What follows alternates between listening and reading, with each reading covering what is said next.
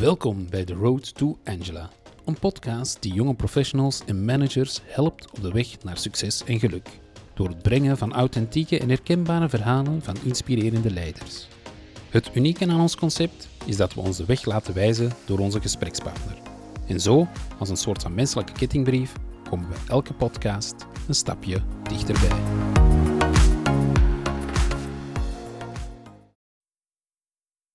Welkom bij weer een korte versie van de Road to Angela. We zijn hier vandaag bij Peter Bernards van Veilinghuis Bernards, dat hij samen met zijn uh, broer Christophe leidt. In deze korte versie uh, stellen we altijd ja, één magische vraag. Uh, misschien iets meer, dat zullen we zien. Maar in ieder geval de vraag die we nu aan jou, Peter, willen voorleggen is: ja, wat is voor jou de impact van technologie op jullie sector? En misschien eerst even kort in een paar minuutjes nog eens schetsen wat het de sector is waarin dat jullie zitten. -hmm. We zijn dus een heel traditioneel veilinghuis, maar met de meest moderne technologieën die er bestaan, namelijk het ja, online veilingplatform, verkoopsplatform die er ondertussen zijn. Zijn er drie of vier. Uh, die wij altijd, die wij eigenlijk nodig hebben. Zo simpel is het. Zonder die platformen halen wij ons zaakcijfer niet en zouden wij niet zo groot zijn als we nu zijn. Um, tijden zijn ook helemaal anders geworden door die technologie. Dus sinds 2011 gebruiken wij die live webcast sale mogelijkheden. Dat betekent dat mensen achter hun scherm op hun app de veiling mee kunnen volgen en bieden. Dat is eigenlijk al lang in principe. We zijn ook een van de pioniers, de pionier denk ik van, uh, van in België. Dus hij heeft ons geen windeieren gelegd. Naast die live online veilingen hebben we ook die timed online veilingen. Dat is ook eenzelfde systeem, alles in de cloud. Stukken die hier allemaal fysiek wel aanwezig zijn, door ons bekeken en geschat, gefotografeerd en gepubliceerd online, worden dan verkocht tegen de klok. Een systeem eigenlijk dat veel mensen kennen via Katawiki of eBay of vakantieveilingen.nl. Maar tegenwoordig wordt alles geveild. Dat systeem is heel uh, gedemocratiseerd of zo. Zeker als je weet van waar dat we komen. Hè, de typische klassieke hè, Christie's, Sotheby's uh, uh, systeem van gesloten veiling. Meestal ouder mannelijk publiek dat er stond en combines uh, of dingen afspraken onder elkaar, hè, de klanten, om de prijs zo laag mogelijk te houden. Is nu absoluut niet meer mogelijk, want alles is zichtbaar door iedereen. 24-7.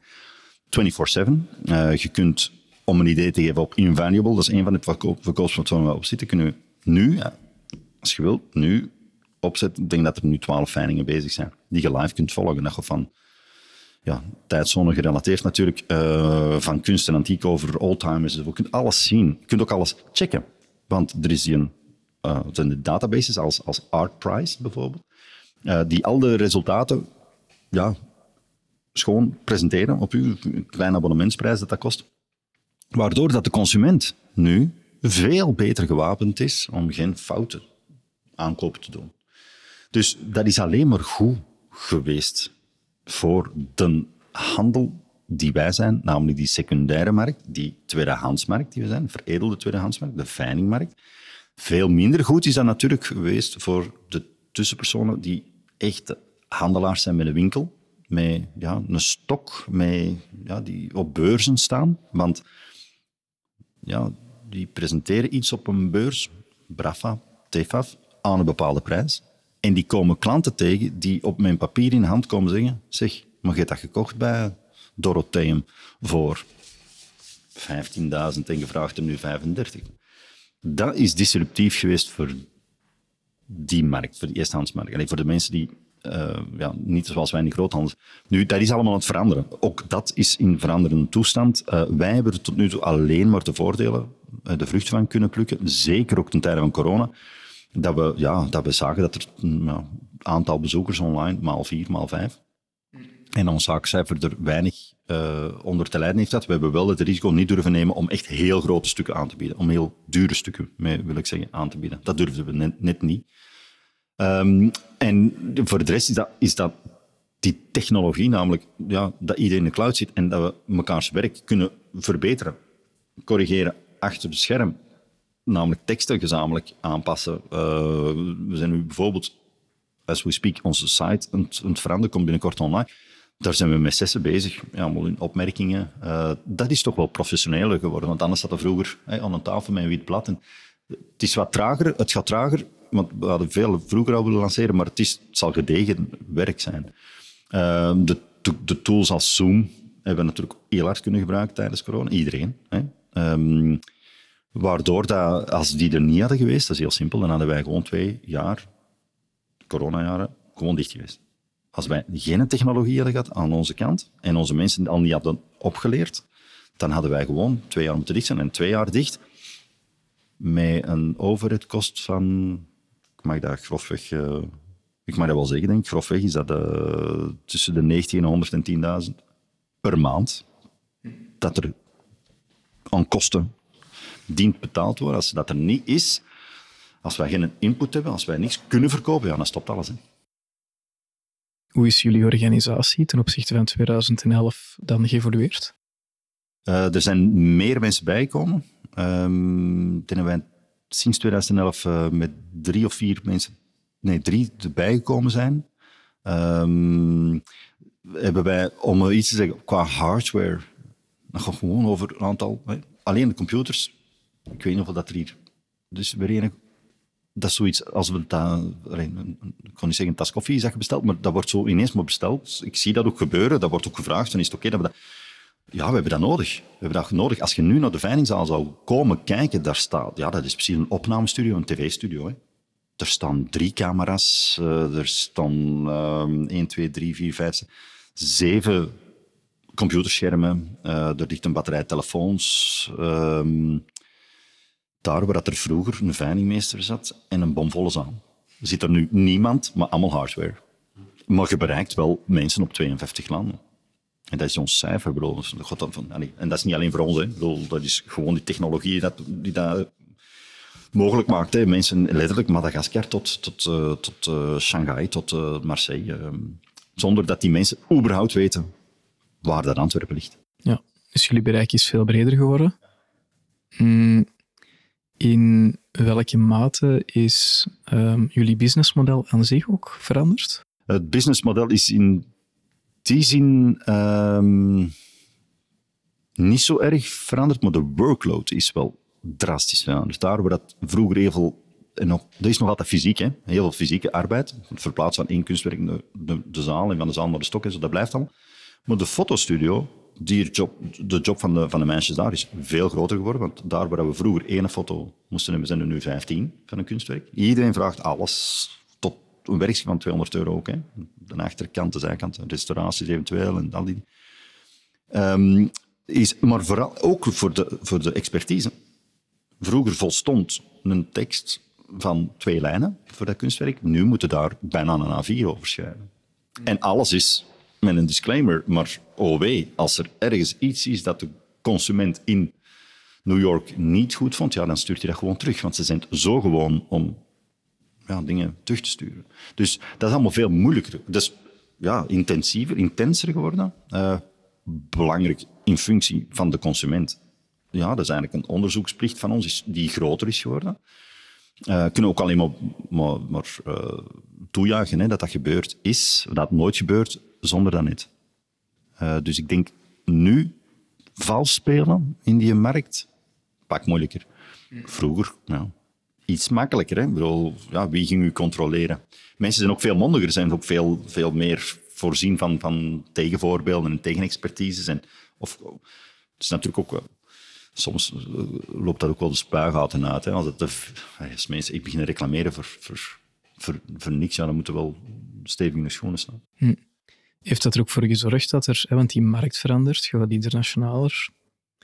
We komen zo biedt ook bij het topic van andere vormen van kunst dan. Ehm, maar zijn er ook nieuwe concurrenten ontstaan? Ja. Andere concurrenten? Ja, de concurrenten zijn uh, internationaler. Dus ehm, daar waar wij vroeger een, een, goede provinciale Belgische speler zitten wij, nu, zitten wij nu denk ik in een Europese subtop. Um, en kijken wij naar Parijs, wat er daar gebeurt, um, is het uh, nog niet te vergelijken met, met, met, met het Duitse veilinghuis, want die zijn echt wel heel performant. Um, er wordt weinig over gesproken, maar die zijn supergoed.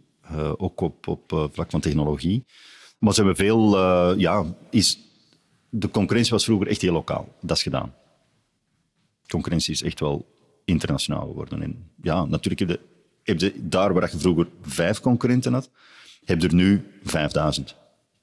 Want ook dat is vergroot. En maakt uw verschil maar eens online op de verkoopsplatform Invaluable, waar er op dat moment dus, zoals ik zeg, 15 veilingen bezig zijn.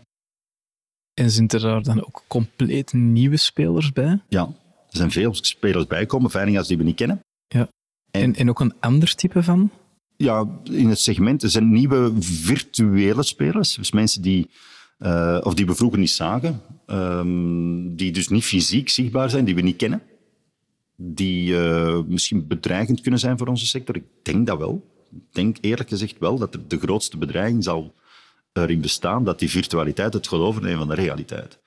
Dat dus mensen genoegen nemen van een... En je ziet wat er al gebeurd is. NFT's, die dus een kunstwerk zien als zijnde een code. En dat dat voor hen al voldoende is om daarin te... Ik doe nu het teken van open aanhalingstekens, te investeren. Dus dat is de, de grote, maar dat is de, de, de, grote, de grote uitdaging voor heel onze maatschappij in extenso. Het geloof dat, het geloof in de nieuwe kleren van de keizer. Dat is de, dus de niet-waarheid, of de, het, het aanvallen van een waarheid. Dus het niet aanvaarden van een wetenschappelijk, wat is dat dan, empirische, vastgestelde waarheid, het niet aannemen daarvan, dat wordt ook in onze business een grote uitdaging. Met andere woorden, wij kunnen zeggen, dit object is Frans 18e eeuw. En morgen zegt er iemand, nee, dat is niet waar. Op afstand, hè. Want ik heb hier een certificaat waar het, uw huis wordt tegensproken. Dus de waarheid. Dus daar vroeger wat gezegd wordt, oké, dit, is, dit moeten we aanvaarden, hieruit, moeten we vanuit, van hieruit kunnen we verder, wordt nu ondergraven. Dat gaat de toekomst. Wat, wat is een certificaat? Mensen geloven nu in een certificaat. Wel in een digitaal certificaat. En dat heeft zijn voordelen ook. Pas op, ik brand het niet helemaal af. Hè. Ik bedoel, ik geloof in blockchain. Ik denk dat blockchain heel veel kan oplossen. Namelijk, eens dat een schilderij goedgekeurd is, blijft dat voor altijd goed. Ja? En eens dat het slecht was, was het, is het voor altijd slecht, want het is zo gecertificeerd. Maar wij worden nu oversteld, mag ik niet zeggen, maar wij worden wel bevraagd door van die certificaatuitschrijvers die zeggen, wij, u, u moet zich als veilinghuis wel uh, zorgen dat je digitale certificaten kunt beginnen maken van je kunstwerken. Maar dat is dan één bedrijf. Dat ik zo denk van binnenkort is er een ander bedrijf dat zegt, nee, nee, maar je moet je certificaten bij ons gaan maken. Dus dan ga ik het niet meer over de, de authenticiteit van dat kunstwerk, maar ook over de authenticiteit van dat, van dat certificaat. Want blockchain is één ding, maar dat loopt niet horizontaal, hè. dat loopt verticaal ook. Hè. Dus daar, dat is de grote uitdaging. Dat weten we nog niet. Ik maak me er nog niet te veel zorgen, want ik volg het wel op. Um, maar dus eh, nog erger is, allez, wat het gevaar, gevaar, de uitdaging is om rustig bij uw stuk, letterlijk niet van uw stuk, gebracht te worden. Kunstwerk, het stuk, maar ook uw overtuiging en uw zekerheid en uw, en uw wetenschappelijke achtergrond, uw, uw literatuur, uw uivercatalogus, uw, de foundations die er zijn, de instellingen waar je naartoe kunt gaan om dat te toetsen, dat zal blijven. Dat, dat, dat maakt een echt een expert tegenover die experten die in een, in een rond venstertje uh, op, uh, sorry, ik noem het nu, Katawiki zeggen van ik ben de expert van de week. Ook letterlijk van de week. Hè. Bedoel, morgen, volgende week zijn die weg en uh, waar staat dan met u? Dus, allee, dat is hmm. geen... Hoe bereid je Bernards daarop voor? Wel, door dagelijks heel hard in te zetten op een heel eigen, persoonlijke, wetenschappelijk onderbouwde beschrijving van elk kunstwerk. Door u dat jargon, want er is geen geëikt, wij, zijn, wij, zijn ook, wij hebben ook geen ISO 9002-norm, om maar iets te zeggen, er is geen geëikt procedure of een geëikt patroon om een, om een stuk te beschrijven. Alleen bij munten bestaat dat. In de munten, numismatiek bestaat dat. In al de rest niet. Dus iedereen kan schrijven wat hij wil om daar zo scrupuleus, mogelijk, mogelijk uw jargon en uw, ja, uw, wat u van woordgebruik te, te zuiver te houden. Bijvoorbeeld subjectiviteit uit te sluiten. Ik geef maar een voorbeeld. We zouden kunnen schrijven uitermate zeldzaam schilderij van deze kunstenaar. Je kunt ook zeggen weinig voorkomt op de markt. Dat is een, gradatie. Dat is, een pure, dat is puur semantiek, hè.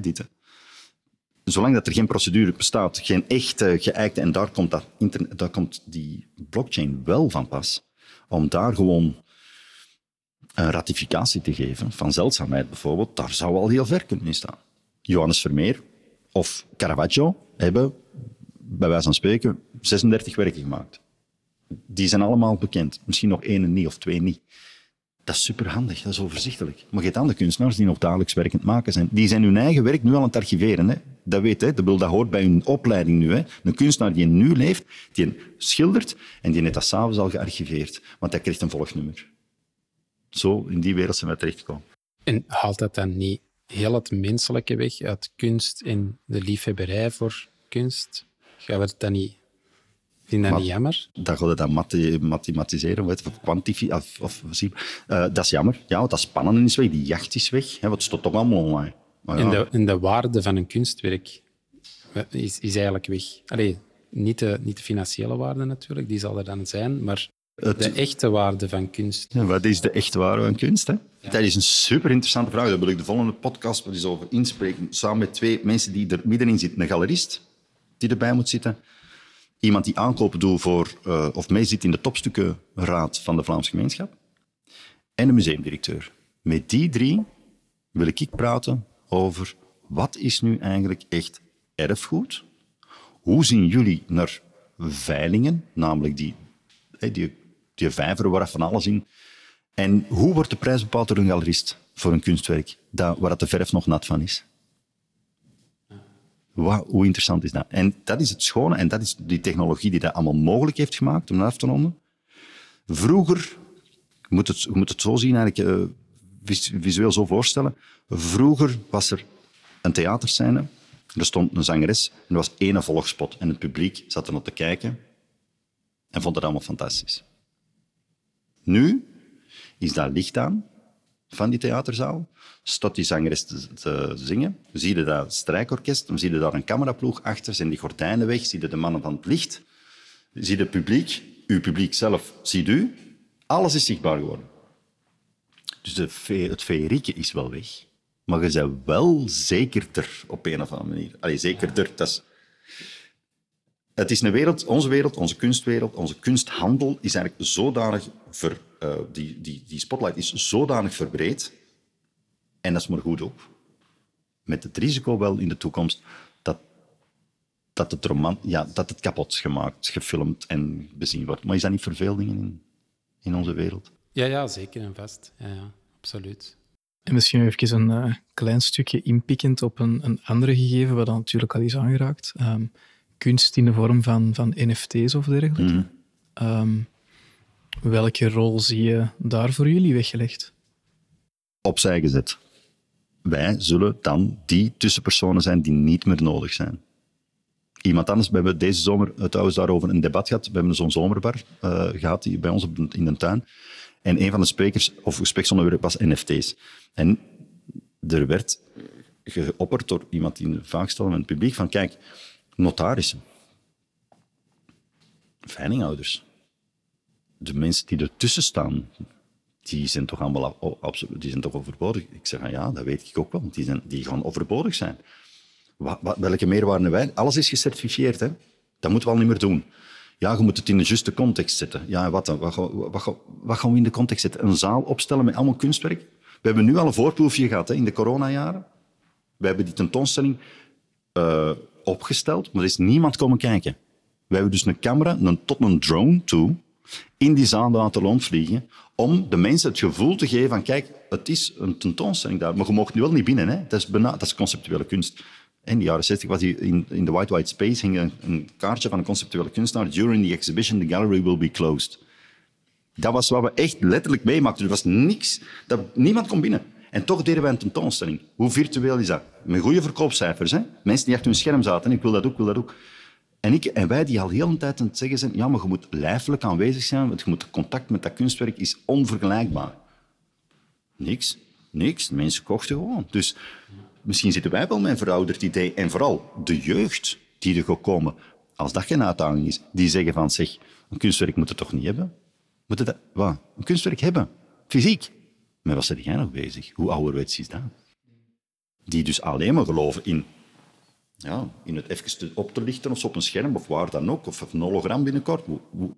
Of het is een avatar, bedoel, in, in, de, in, de, in de metaverse. Allee, die naar een tentoonstelling gaat, die daar een kunstwerk koopt. Dat gebeurt al. Hè. Mensen kopen al schoenen, hè. niet bestaande schoenen. In de metaverse. Waar zijn we bezig? Echt? We hebben te veel tijd, denk Ik denk dat ook. ik denk dat ook. Ik denk dat ook. En dus ik, ik, ik, ik ben zo erg blij met de creativiteit van de mens. Want anders hadden we die metaverse ook niet om. Allee, maar dat is toch maar een, letterlijk, meta-versie. Eigenlijk is hem dan nog eerlijk ook. Het is een meta, het is een naast de echte werkelijkheid. Zolang dat men het woord meta blijft gebruiken, snap ik het. Want dan heb ik geen schik. Maar als dat straks verandert in the real, dan denk ik van oei. Want ah, ook als de, munt, de munten daar, de betalingsmanieren, de contacten, sociale contacten, allemaal beheerst gaan worden door uiteindelijk op dat moment... De, ooit niet die film gezien... ehm, ah, ik kom nooit op die naam. Hè. En dat is een, een, een dystopische film. Hè. Ehm, met die man die altijd denkt... Tom, eh, niet Tom Hanks, maar een ander met zijn gekke bekje. Ah, Jim Carrey. Jim Carrey. Met die, onder die... In die fictieve wereld Ja. dat hem zit. Ja. Ja, dat is, dat is lang voordat wij... En dan de, de dystopische reeks eh, Black Mirror. Dat zijn dingen die ik niet durf zien, niet meer nu. Hè? Omdat ik nu zeg van, hallo, het is bezig. Het is al bezig. Dus daar, is- op dat kant, om, heb je schrik? Nee, je moet geen schrik hebben. Ik denk niet, zolang dat er, dat er mensen zijn en gesprekken kunnen gevoerd en je moet gewoon waakzaam zijn dat je de intensiteit en de emotionaliteit niet eh, misbruikt of vergeet of zo. ja, en tegelijkertijd ehm, is het denk ik wel iets om aandachtig voor te zijn. Ja, ja, Want het is er wel ja, en het ontwikkelt zich. ja. En ja, ik denk dat het eerder twee werelden gaan zijn. Hm. Maar die zijn er al. Hè. Die zijn er al. Die, die andere wereld is er al. En die jeugd, ik weet niet wat die gewoon heeft, die jeugd, hè, de, de tienjarigen, die nu niet zonder toestel zijn opgegroeid. Wij zijn ook die, ik ben ook die scharnier-generatie die, die, de analoog hebben geleefd. Wordt dat? Die analoog hebben geleefd. Als je dat dan moet zeggen. ehm, science fiction romans, ik lees dat niet graag meer. Jack Vance vroeger, ik was zot van Jack Vance. Zo de, planeten en zo. Denk van, hoe? Maar dat was ook in die tijd, jaren 60, en Isaac Asimov en zo, die, die hadden wel een toekomstbeeld. Dus die dachten ook in 2030 vliegt iedereen door de straten. Het is nog niet zo ver. Het hoeft misschien, ja, het bestaat al met die dingen. Ehm, ik denk niet dat het een goede raad is om schrik te hebben. Hè. Fear eats the soul. Eh, dus je moet geen schrik hebben. Maar waakzaamheid is inderdaad beter. Eh, je moet, moet vooral tegen de volgende generatie zeggen dat er iets is als menselijkheid. En dat ook tonen. Dat ook creëren. Dat ook cafés moeten open. Mensen moeten praten. Mensen moeten elkaar tegenkomen. Mensen moeten van ge- gedachten kunnen wisselen. Veel sneller dan een computer kan doen. Ehm, de computer kunnen gebruiken hè, als, als, eh, als partner, maar ja, toch uw ziel er niet aan verpanden. Hè. En, even eh, re- regelmatig in een hoekje gaan zitten en niks doen, brainnumbing, gewoon naar buiten kijken. Doe, dat doe ik veel, gewoon, gewoon kijken. En zonder dat ik iets als opnieuw antidotum voor die, ehm, voor die wereld waar we toch allemaal in zitten. Oké, Ja, mooi. dankjewel voor jouw antwoorden. Ja, dankjewel Graag Peter. gedaan. Volg onze verdere avonturen en episodes via LinkedIn of theroadtoangela.be.